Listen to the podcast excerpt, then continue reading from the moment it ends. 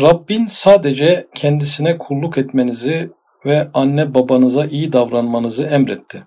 Onlardan biri veya ikisi senin yanında yaşlanırsa onlara öf bile deme. Onları azarlama, ikisine de gönül alıcı güzel sözler söyle. Onlara merhametle ve alçak gönüllülükle kol kanat ger. Rabbim onlar nasıl küçüklükte beni şefkatle eğitip yetiştirdilerse şimdi sen de onlara merhamet göster diyerek dua et. Bu serlevha ayetle başlıyor İsra suresinden. Ey hanesinde ihtiyar bir valide veya pederi veya akrabasından veya iman kardeşlerinden bir amel mande yani iş göremez veya aciz, alil bir şahıs bulunan gafil. Yani evde bakmakla, görmekle yükümlü olduğumuz e, yaşlı bir annemiz olabilir, babamız olabilir, amcamız, dayımız da olabilir. Onlar da olmazsa iman kardeşlerinden bir iş göremez, bir hasta, bir felçli, bir yatalak. Müslüman yani sonuçta. Akraba olması da şart değil. Veya aciz, alil bir şahıs bulunan hastalar var. İnsanların çocukları hastalanıyor, eşleri hastalanıyor. Ee, sadece anne baba değil yani. Burada aciz, alil bir şahıs kim olursa olsun evde bulunan bazen insanlar uzun süre yatalak hastalara bakmak zorunda kalıyorlar. Gafil kelimesiyle başladı. Çünkü insanlar genelde e, yani bu konuda biraz duyarsız olabiliyorlar. Topu başkasına atmak istiyor olabiliyorlar. Şu ayet-i kerimeye dikkat et bak. Nasıl ki bir ayette beş tabaka ayrı ayrı surette ihtiyar valideyne şefkati celbediyor. Yani ihtiyarlara saygı gösterin diye bir ayet olsaydı yeterdi değil mi? Yani anne babanıza iyilik yapın yeterdi. Ee, az önce okuduğumuz ayette beş çeşit bir yönlendirme var, celp var yani. Bunlardan birisi onlara öf bile deme diyor. Bir. İki, onları azarlama. Ee, üç, azarlamamak yetmiyor arkadaşlar. Onlara güzel sözler söyle. Yani bir de bunu emretti. Bazen insan azarlamaz, öf de demez de düzgün bir söz de söylemez yani. Onlara güzel söz söyle. Dört, onlara şefkat kanatlarını ger.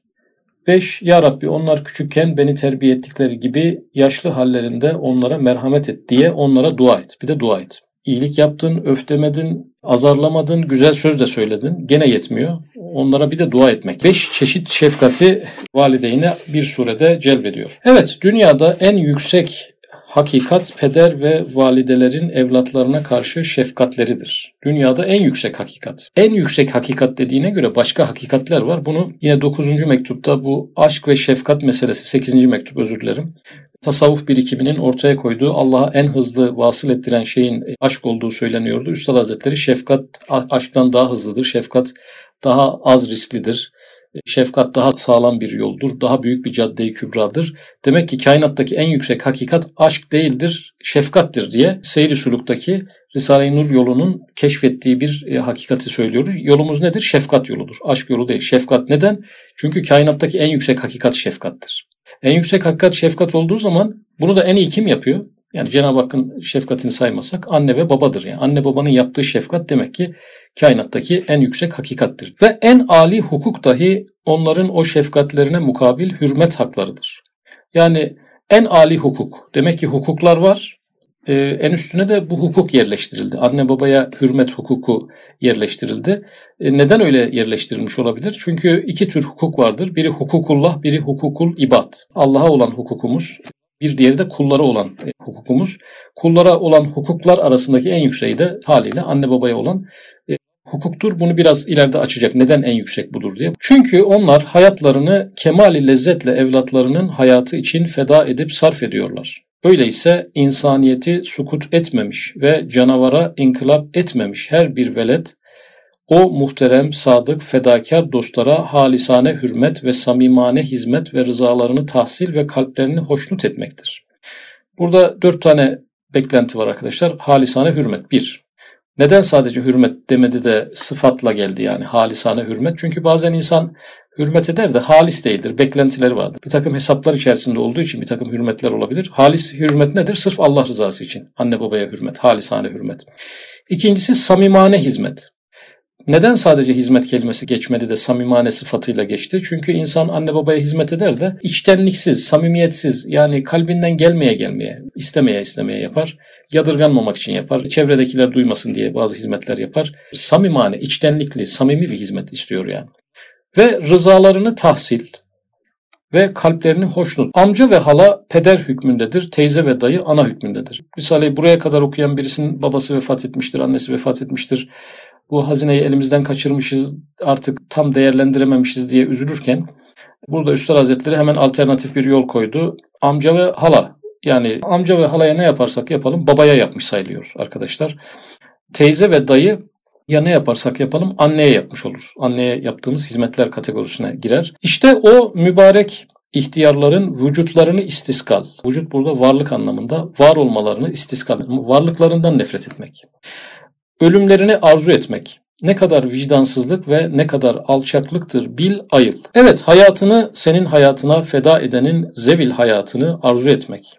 Ne kadar çirkin bir zulüm, bir vicdansızlık olduğunu anla. Ey derdi maişetle müptela olan insan, geçim sıkıntıları meselelerine adeta kaptırmış kendini, sersemleşmiş insan.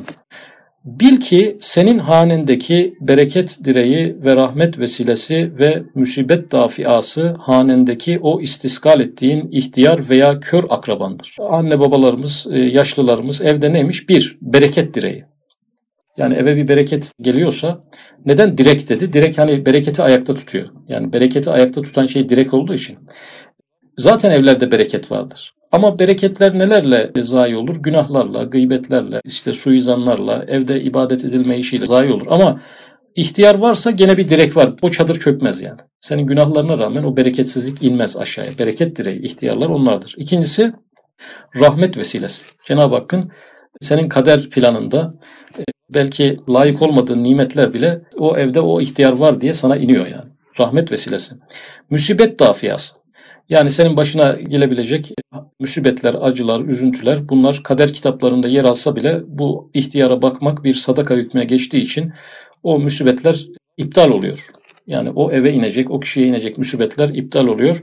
Ey derdi maişetle müptela olan insana bunu dediğine göre yani sen geçim sıkıntısıyla boğuşuyorsun. Halbuki anne babanı ihmal etmekten kaynaklı geçim sıkıntısıyla boğuşuyorsun. Sonra da e, geçim sıkıntın var diye onlara bakamıyorum gibi bir kısır döngü içerisine girmişsin. Aslında yaptığın hata senin geçim sıkıntına sebebiyet veren hata olduğunu ifade ediyor.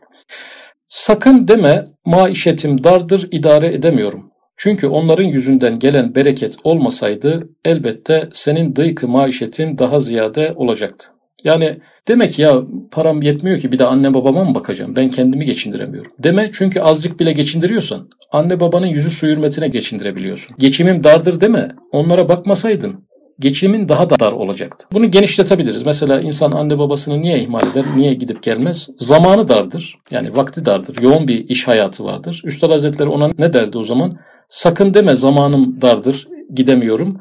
Çünkü onlar olmasaydı senin vakit darlığın daha çok olacaktı diyor. Yani onlarla ilgilenmeye ayırdığın vakitler sebebiyle Allah senin vaktinde bir genişlik yaratmış. Sen gitmediğin için iyice daraltıyor. Vakti daraltan, rızkı daraltan, insanın hane saadetini daraltan şeydir. Onlara gidip gelmemek, onlarla ilgilenmemek.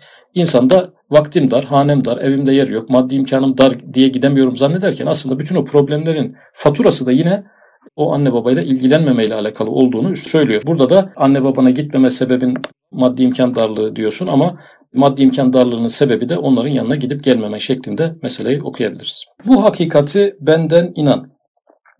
Bunun çok katli delillerini biliyorum. Seni de inandırabilirim. Fakat uzun gitmemek için kısa kesiyorum. Şu sözüme kanaat et, kasem ederim. Şu hakikat gayet kat'idir. Hatta nefis ve şeytanım dahi buna karşı teslim olmuşlar.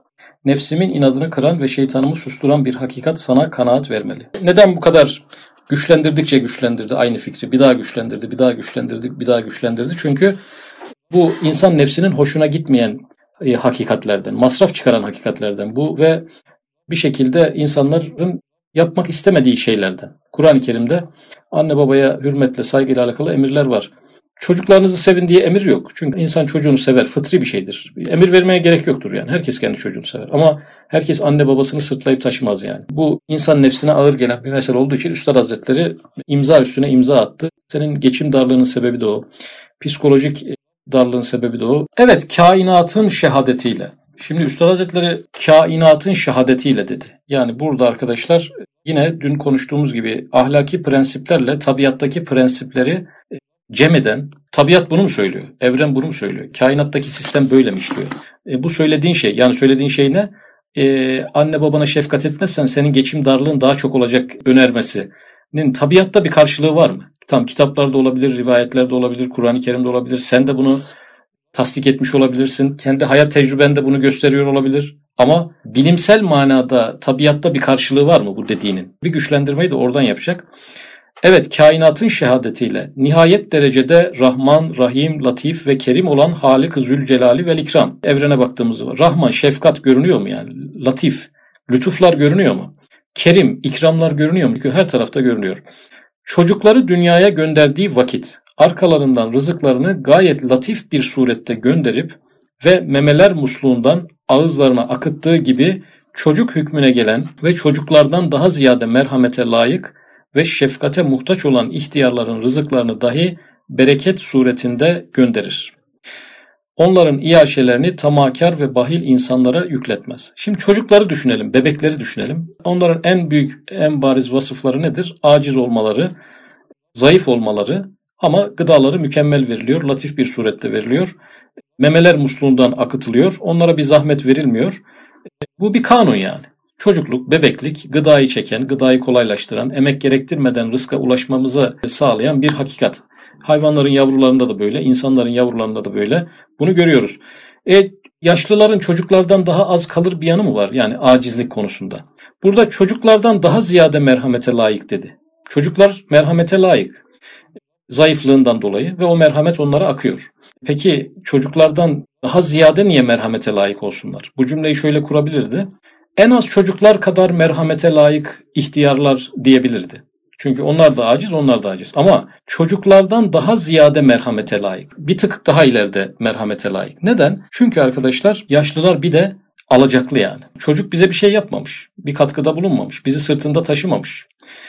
Bize birçok sıkıntılı anımızda yardımcı olmamış. 20-30 yılını bizim uğrumuzda fedakarlık yaparak geçirmemiş. Dolayısıyla merhamete layık zayıflığında ama bir alacaklı değil. Fakat ihtiyar öyle değil yani. Bizi sırtında taşımış. Hem aciz, acizliğinden dolayı merhamete layık hem de adaletten dolayı. En azından onun bize yaptıklarını bizim ona yapmamız lazım. Eklenen bir şey var. Daha layık yani. Daha ziyade layık diyor. Ve şefkate muhtaç olan ihtiyarların şefkate muhtaçı da daha ziyade şefkate muhtaç anlamalıyız. Çocuklardan daha ziyade şefkate muhtaç. Çocuklar şefkate muhtaç ama yaşlılar daha ziyade muhtaç demiş oldu. Neden? Ya çocuğa bebek diyelim. Diyelim anne of dedi. Çocuk gülümser yani. Kendisine şefkat gösterilmediği konusunda bir sarsıntı yaşamaz yani. Ama yaşlıya böyle bir şey yaptığımız zaman o düşünün ki of dediniz yani. Böyle bir şey dediniz yani. Bu çocuk gibi olmaz. O şefkate daha muhtaç, şefkatsizlik karşısında daha yaralı olduğundan dolayı şefkate hem daha layık hem de daha muhtaç. Çocuktan daha muhtaç olmuş oluyor. Evet onların iyi şeylerini tamahkar ve bahil insanlara yükletmez. Yani onların rızıklarını cimri, mala tapan insanlara Cenab-ı Hak yükletmiyor. Ben babama baktım, annemi geçindirdim denmemesi için onların rızıklarını ekstra surette, gizli bir surette gönderiyor. Ya anne babasına bakan çocuğun rızkına sürpriz şeyler ekleyerek bunu ekliyor. Veya bir takım müsibetler, maddiyatı alıp götürecek müsibetlerden muhafaza ederek anne babanınkini özel olarak, ek olarak gönderiyor ki ahirette anneme şunu harcadım, babama bunu harcadım denemeyecek bir pozisyon oluşuyor arkadaşlar. Zaten Cenab-ı Hak diyecek ki ben bunu zaten ekleyerek gönderdim. Senin rızkından bir kuruş bile oraya gitmedi. Farkında değilsin. Aslında beni ekleye ekleye gönderdim ama sana öyle geldi. Veya bir müsibet gelip senin rızkını alıp götürecekti. Götürmedi yani. Veya e, x kuruşluk bir işte çalışıyordun. 3x'lik çalışıyorsun. Niye? Anne babanın rızkını ben ekledim yani. Çalıştığın iş performansında yükselen bir şey yok. 2x'i ben ekledim diyecek. Dolayısıyla burada bir minnet söz konusu olmayacağını burada hissettiriyor. Rızıkla alakalı ayetler. Ayetlerinin ifade ettikleri hakikati bütün zihayatın enva-ı mahlukları lisan hal ile bağırıp o hakikati kerimaneyi söylüyorlar. Hatta değil yalnız ihtiyar akraba, belki insanlara arkadaş verilen kediden bahsedecek arkadaşlar. Demek ki bazı hayvanlar eti, sütü, yünü için ama hiç fayda görmediğimiz hayvanlar var yani. İnsana bakan cihetiyle. Kediler gibi mesela. Üstad Hazretleri onun insana arkadaş olarak gönderildiğini söylüyor. Arkadaş olarak gönderilen ve rızıkları insanların rızıkları içinde gönderilen kedi gibi bazı mahlukların rızıkları dahi bereket suretinde geliyor. Bunu teyit eden ve kendim gördüğüm bir misal. Ya Üstad Hazretleri ayet söyledi, kendi hayat tecrübesini ortaya koydu, kainatın şehadetiyle kainattan deliller gösterdi. Kendi hayat tecrübesine getiriyor konuyu. Yani ısrar ettiği belli. Şu meseleye inandırmak istediği, bütün yüreğiyle inandırmak istediği belli. E, kediden alacak ama yaşlı anne babaya getirecek konuyu. Benim yakın dostlarım bilirler ki 2-3 sene evvel her gün yarım ekmek, o köyün ekmeği küçük idi, muayyen bir tayinim vardı. Çok defa bana kafi gelmiyordu. Sonra dört kedi bana misafir geldiler. O aynı tayinim hem bana hem onlara kafi geldi. Çok kere de fazla kalırdı. Üstad ekmeğini dört kediyle paylaşmaya başlamış ve artık o şeyler yetmeye başlamış. Üstad Hazretleri do- doyduğunu hissediyor. Kediler de doyuyorlar. Bir de ekmek artmaya başlıyor yani burada. Misafir geldiler dedi ya bu yaşlı insanlara bakmayla alakalı bereket suretinde rızkımıza eklenen miktarlardan bahsetti. Misafirlik de öyledir arkadaşlar. Yani rivayet, hadis rivayetlerine bakılırsa misafir için yapılan harcamaların da kişinin aslında hakiki rızkından değil, bereket suretinde gelecek olan rızkından. Hani misafir bereketiyle gelir, gelir diyorlar ya. Hatta o hadisleri birleştirerek şöyle bir hüküm çıkarmışlar. Misafir 10 rızıkla 10 tane rızıkla gelir. Birisini yer, dokuzunu bırakarak gider. Yani misafire bir borcumuz oluyor abi. Yani misafir 10 e, türlü bereketle geliyor. Birisini yiyerek ayrılıyor. Dokuzu da fazladan insana kalıyor. Böyle bir, bu hadislerin birleşiminden çıkan bir atasözü gibi bir şey. Öyleyse mahlukatın en mükerremi olan insan ve insanların en mükemmeli olan ehli iman. Misafir ağırlıyorsun ama bir de mümin bu yani düşünün. Hadis-i şerifte rızkınızdan takvalı olanlar yesin diye bir hadis-i şerif var. Ve ehli imanın en ziyade hürmet ve merhamete şayan acize, alil ihtiyareler ve alil ihtiyarların içinde şefkat ve hizmet ve muhabbete en ziyade layık ve müstahak bulunan akrabalar ve akrabaların içinde dahi en hakiki dost ve en sadık muhip olan peder ve valide. Peder ve valide hem ilk paragrafta hem ayet-i kerimede arkadaşlar peder veya valide geçmişti ilk paragrafta. Peder veya valide. Yani ya annen senin evinde yaşıyorsa veya sen ona bakmayla yükümlüysen veya baban yani veyalarla ayrılmıştı ama burada V'ye birleşti. Bu sefer düşünün ki yani hem annen hem baban söz konusu aynı anda. İhtiyarlık halinde bir hanede bulunsa ne derece vesile bereket ve vasıtayı rahmet bir hadis-i şerif mealini okuyorum. Beli bükülmüş ihtiyarlarınız olmasaydı belalar sel gibi üstünüze dökülecekti. Ne derece sebebi def-i müsibet olduklarını sen kıyas eyle. Demek ki müsibet dafiyası kelimesi geçmişti. Onu da bir hadis-i şerifle açıkladı. Burada anladık ki ayetle anlattı. Kendi hayat tecrübesini ortaya koydu. Ee, bu sefer hadis-i şerifle de ikna etmeye çalışıyor bizi. Yani güçlendirmek için bir hadis-i şerif de kullandı. Eğer ihtiyarlarınız olmasaydı sel gibi belalar üzerinize yağacaktı. Bunu da tekrar bir güçlendirme mevzu söz konusu oldu. İşte ey insan aklını başına al. Eğer sen ölmezsen ihtiyar olacaksın. El cezau min cinsil amel. Yani ceza yapılan hata cinsindendir. Sırrıyla sen valideynine hürmet etmezsen senin evladın dahi sana hürmet etmeyecektir. Eğer cezalar yapılan hataların cinsindense insan anne babasına hürmetsizlik, ilgisizlik, alakasızlık gösterirse aynı hatanın karşılığı da o cinsten olmalı. Onun çocukları, çolukları da ona hürmet ve ilgi alaka göstermemesi icap eder. E, bu sanki biraz böyle halk arasında bir söz gibiydi. Ama bunun demek ki manevi bir dayanağı Çok sık kullanılır bizim toplumumuzda. Demek ki bunun manevi bir bağlamı var. Eğer ahiretini seversen işte sana mühim bir define. Şimdi burada yani ahiret sermayesi biriktirmek isteyen insanlar, maneviyatı düşünenler, Allah'la arasındaki perdelerin kalkmasını isteyenler, Cenab-ı Hakk'ın mahiyetini hep üzerinde hissetmek isteyen insanlar işte sana mühim bir define diyor. Şimdi neden hazine demiyor da define diyor. Hazine de arkadaşlar kapağı açtınız mı faydalanırsınız. Basit yani. Ama define sonuçta gömülü bir şey olduğu için defnedilmiş olduğundan dolayı kazma küreklik bir zahmet gerekiyor. Anne babaya da evet yani ufak bir zahmet var yani getir götür ilgilen. Definedeki bir emek burada vurgu. Hazine kelimesi geçmemiş define yani. Bir emek söz konusu olduğu için.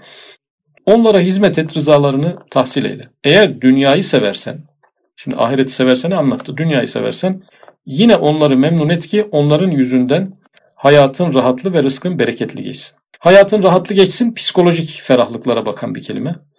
Rızkın bereketli de ekonomik ferahlıklara bakan bir kelime. Yani ekonomisi ve psikolojisi bozuk insanların anne babasıyla ilişkisini bir incelemesi lazım. Çünkü hem ekonomiyi düzelten, ferahlatan hem de psikolojiyi düzelten, ferahlatan bir tarafı var. Yoksa onları istiskal etmek, ölümlerini temenni etmek ve onların nazik ve seri ütteessür kalplerini, seri ütteessür, hızlı etkilenen, çabuk heyecanlanan, narin kalplerini rencide etmek, sırrına mazhar olursun. Hasirut dünya vel ahire. Bu ayet-i kerime.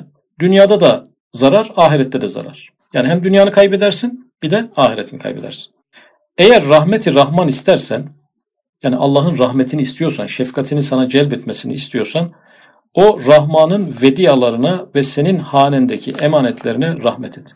Allah'tan rahmet istiyorsan anne babana rahmet et. Merhamet etmeyene merhamet olunmaz.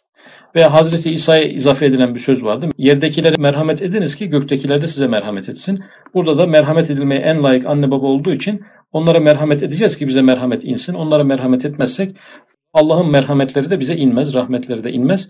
Burada vedia ve emanet kelimesi kullanıldı aynı cümlede.